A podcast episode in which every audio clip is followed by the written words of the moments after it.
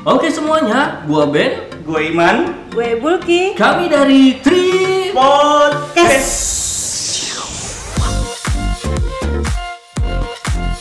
Hari ini adalah hari yang spesial pakai telur.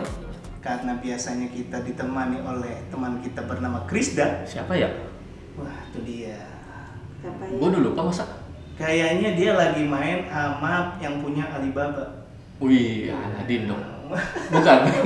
Itu malah lagi musuhnya ya.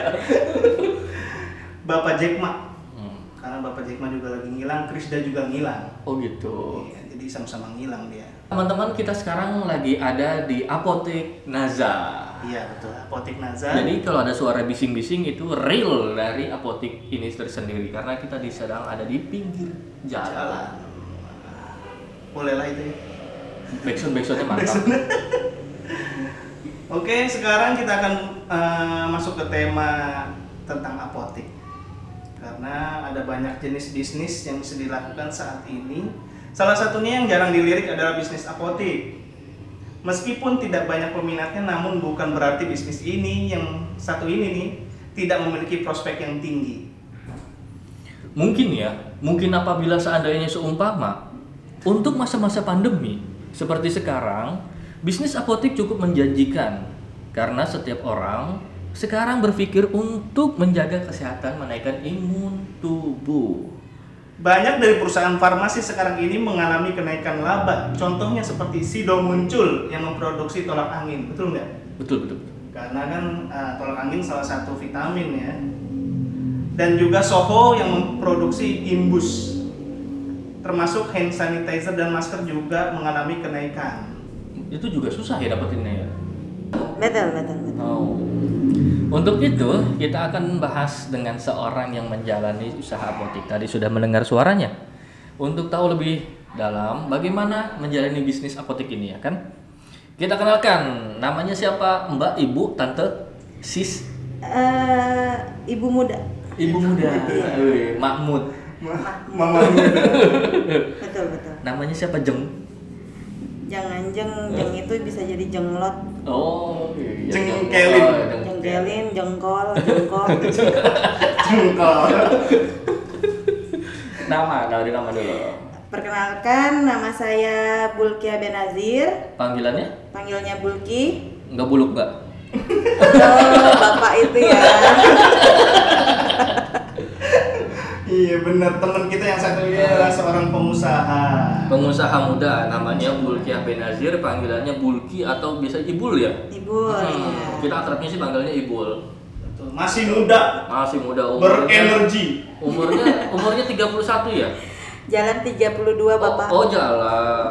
Jalan. Baru mau jalan. Jalannya cepat apa lambat? Jadi Tenang, umur nggak nggak sama dengan muka ya. Is, Mukanya masih imut-imut. betul. Nggak kelihatan lah. Nggak kelihatan. Nggak kelihatan apanya nih? Nggak kelihatan mukanya. Oh, nggak kelihatan Jadi mukanya. teman-teman semua yang dengerin nggak akan tahu juga. Jadi karena kita sudah akrab dengan pembisnis yang satu ini, kita nggak usah manggil Mbak atau Ibu ya langsung nama aja kali ya. Iya betul. Boleh, Ah. boleh, boleh. Biar akrab ya. Mm. Ibu ini pekerjaannya sebelum jadi pengusaha apa sih? Oh, sebelumnya memang saya itu lulusan eh, S1 profesi. Saya kaku bener. Aku benar. Terus maunya apa nih? Gue, oh. Gue, oke gue ya. Gue oh, udah sini. Biar gaul. Kan baru kenal sama mas-mas Oh, ini. iya. Baru. Baru kenal beberapa hari yang lalu ya. Oh Mas? iya benar benar. Ya aja anggap aja iya dah. Iya, iya. Saya lulusan S1 profesi, S1 apoteker. Hmm. Terus setelah lulus itu saya bekerja sebagai store manager di suatu perusahaan. Eh, sekitaran 9 bulan itu saya sempat eh, apa namanya eh, diminta untuk cari kerja yang lebih dekat gitu kan sama orang tua. Sama orang tua. Oh. Nah, karena waktu itu saya belum nikah. Nah setelah itu nggak lama itu saya cari pekerjaan, alhamdulillah deket dengan rumah dan di situ saya posisinya sebagai apoteker penanggung jawab di sebuah perusahaan eh, apa, apa namanya eh, distributor obat. Oh, Oh, distributor. distributor. Hmm, distributor obat. terus sama eh, lambat laun saya ditaikkan jabatan sebagai eh, kepala sales admin di perusahaan Hmm. tersebut Eh, sekaligus menjadi eh, apoteker petanggung jawab penanggung jawab jadi saya dua jabatan Wih. di satu perusahaan itu Dua gaji dong. ya bisa dikatakan seperti itu Mantap.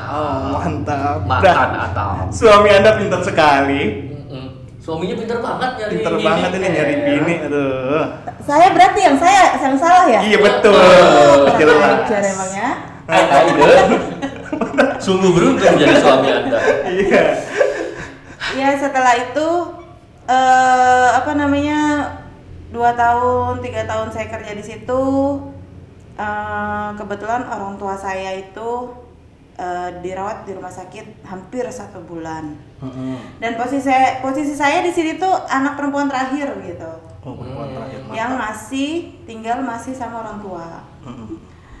Nah, eh, setelah itu karena yang lain kakak-kakak saya udah berumah, udah ada rumahnya gitu kan. Jadi kan nggak bisa fokus 24 jam jaga orang tua kan. Jadi jadi saya, mem- saya memutuskan untuk oke saya resign, saya izin suami, suami juga Mm-mm.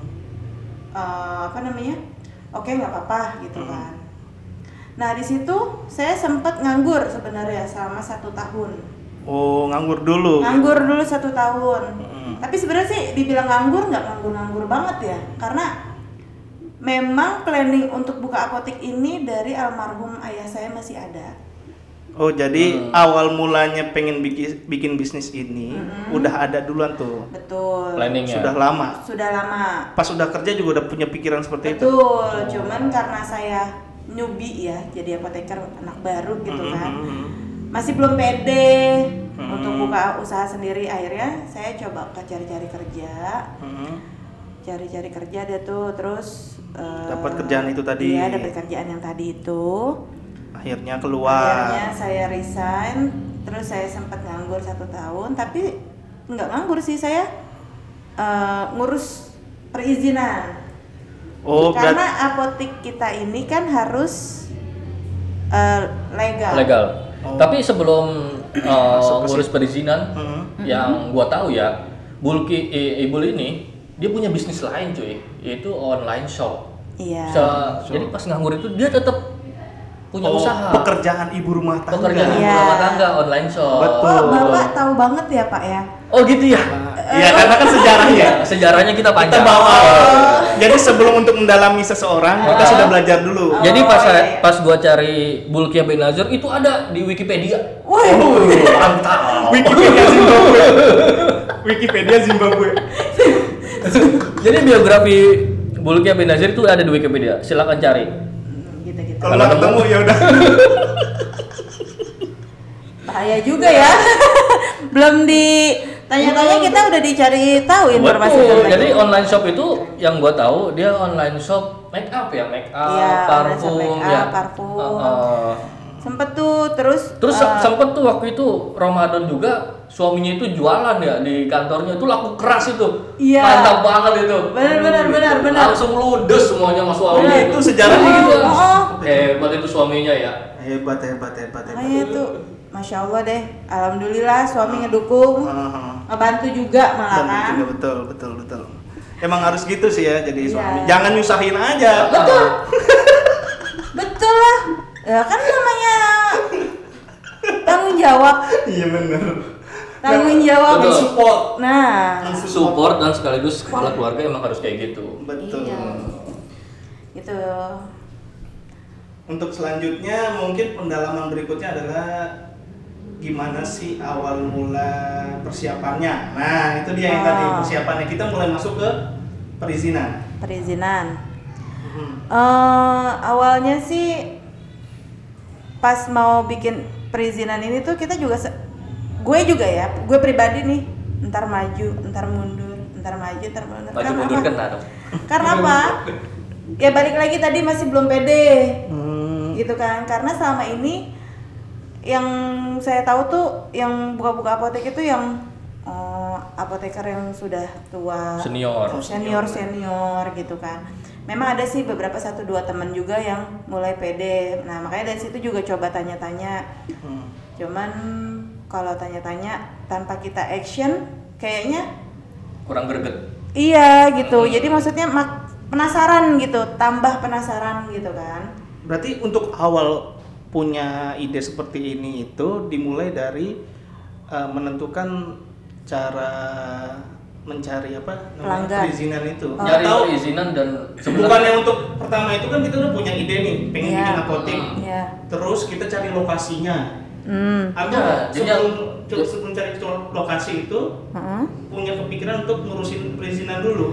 jadi yang dirasakan ibu Lili sebenarnya yang gue tangkep nih ya Mhm. dia itu uh, awal mula itu adalah benar-benar membulatkan tekadnya untuk membuka suatu betul usaha betul Oh, gitu. Uh, uh, dia, Ngebuatin dulu tuh. dia mencari referensi dari semua tempat dijadikan satu akhirnya dibulatkanlah dengan niat dia itu Oh, Jadi pertama. intinya sebelum jadi seorang pengusaha. usaha dia mencari ilmunya dulu Oh gitu. Betul. Oh.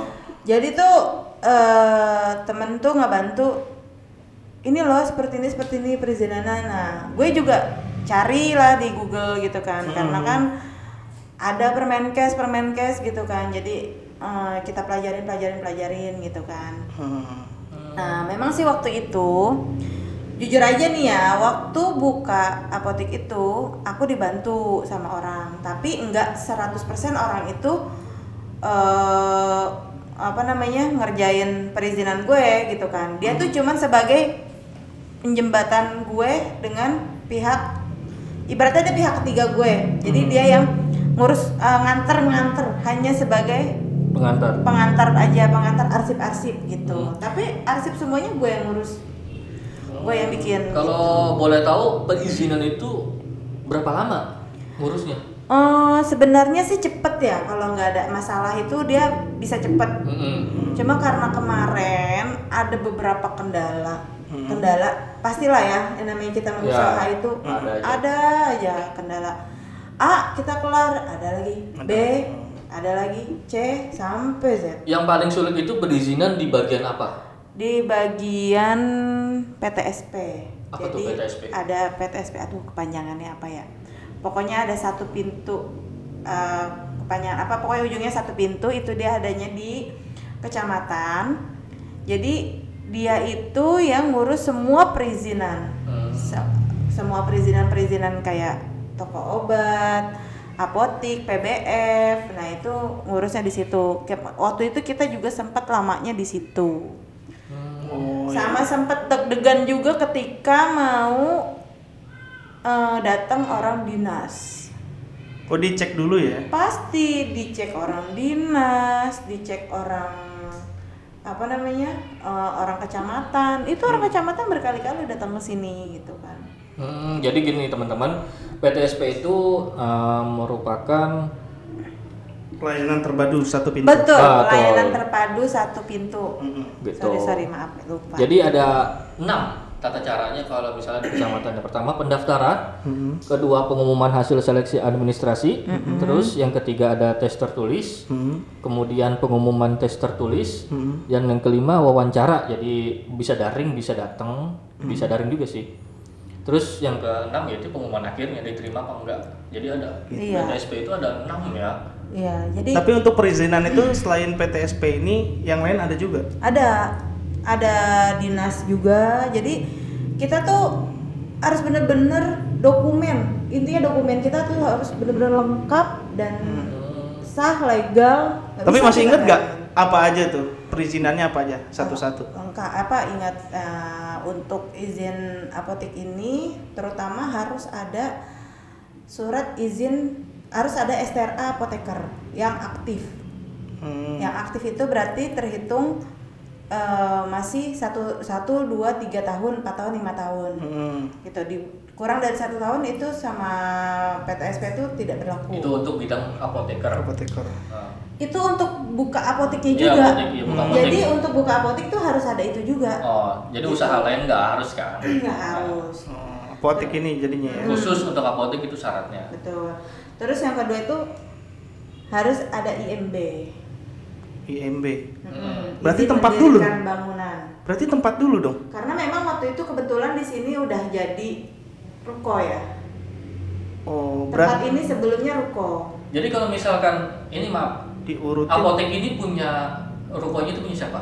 Punya orang tua. Oh punya orang tua. Seandainya kita mau bikin apotek ruko orang lain, jadi kita harus pinjam IMB Betul. yang punya dulu dong. Betul. Oh, gitu. Oh, sewa surat- gitu, iya, sewa. sama surat pernyataan sewa. Oh gitu, IMB sama surat pernyataan sewa. Mm-mm. Oh gitu. Nah karena kebetulan di sini punya sendiri, jadi cuma diminta IMB, STR aktif, surat rekomendasi dari IAI Ikatan Apoteker Indonesia. Kalau Mhm. misalkan di sini tuh mau diberdirikan apotek, Oh, Hmm. gitu. Terus, Lanjut nah ke karena surat karena ini punya sendiri, jadi kan harus punya sertifikat tanahnya juga, gitu. Oh, iya iya iya. Itu juga perlu. Terus untuk eh, habis itu ke Kemenkes ya kalau nggak salah ya? Enggak, enggak, enggak nyampe ke Kemenkes. Oh, Jadi enggak. kita cuman mainnya tuh di kelurahan, kecamatan, sama eh, di- dinas kesehatan. Oh Dinkes. Dinkes. Dinkes, itu nanti kalau eh, semua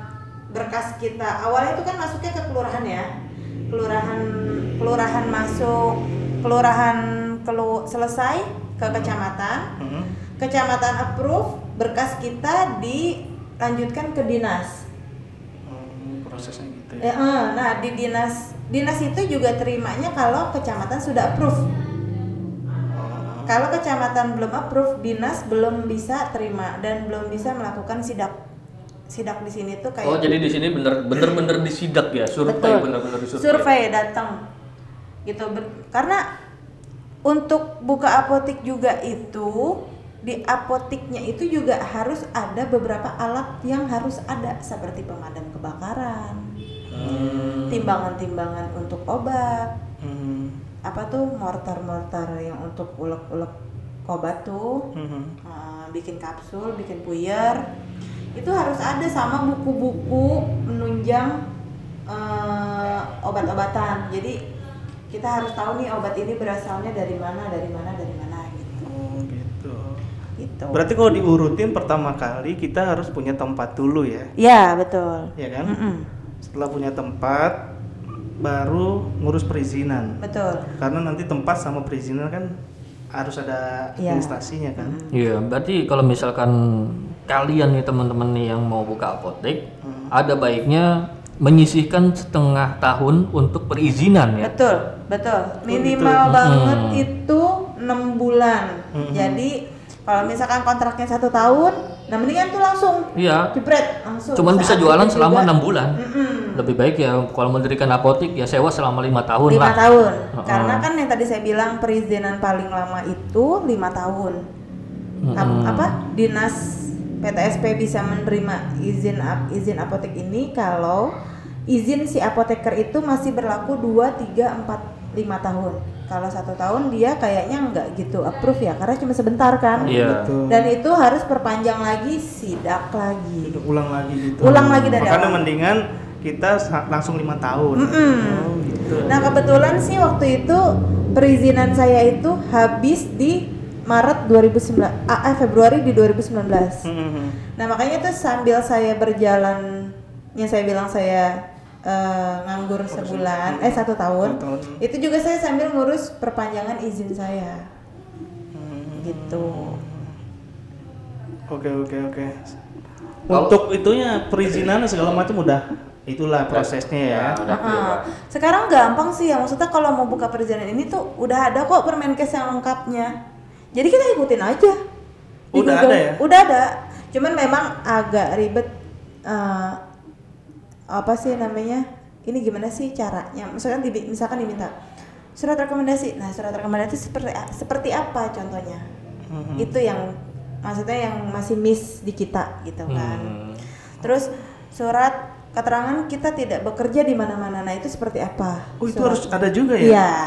Oh ya lupa. Oh, gitu. Eh, karena ini apotek ini apa namanya harus dilindungi dengan ber, apa dilindungi oleh badan hukum. Mhm. Nah, eh, gue juga eh, bikin surat Akte notaris. eh, akte notaris gitu. Jadi lebih baik ada akte notaris. Betul, harus Biar harus ya, Apa harus harus? Oh, Karena apa? harus. balik lagi kita tuh mau jualan legal Hmm. di mana obat-obat itu eh, ada obat narkotik, ada psikotropik, Iya itu dia tuh. ya kan? Terus ada obat bebas, obat bebas terbatas gitu kan. Kalau kita sampai salah ngejualnya, Mhm. nah itu bisa bisa eh, bisa maksudnya eh, tiba-tiba polisi datang gitu kan, gerbek gitu kan. Ya lo amit-amit ya amit-amit. Mhm. Jangan sampai kayak gitu. Nah, kalau misalkan kita bener tapi kita ternyata disalahin, nah nanti kita ada bantuan itu dari badan hukum. Oh. Gua gua kayak gini loh, gua kayak gini kayak gini. Udah ada legalnya lah ya. Udah ada legal. Mhm. Oke, itu dia teman-teman tuh kalau pengen mulai bisnis apotik ya. Mulai dari coba perizinannya dulu deh pelajari. Hei teman-teman, yang masih penasaran dengan obrolan kita tentang apotik, dengerin kita lagi di episode selanjutnya ya. Terima kasih.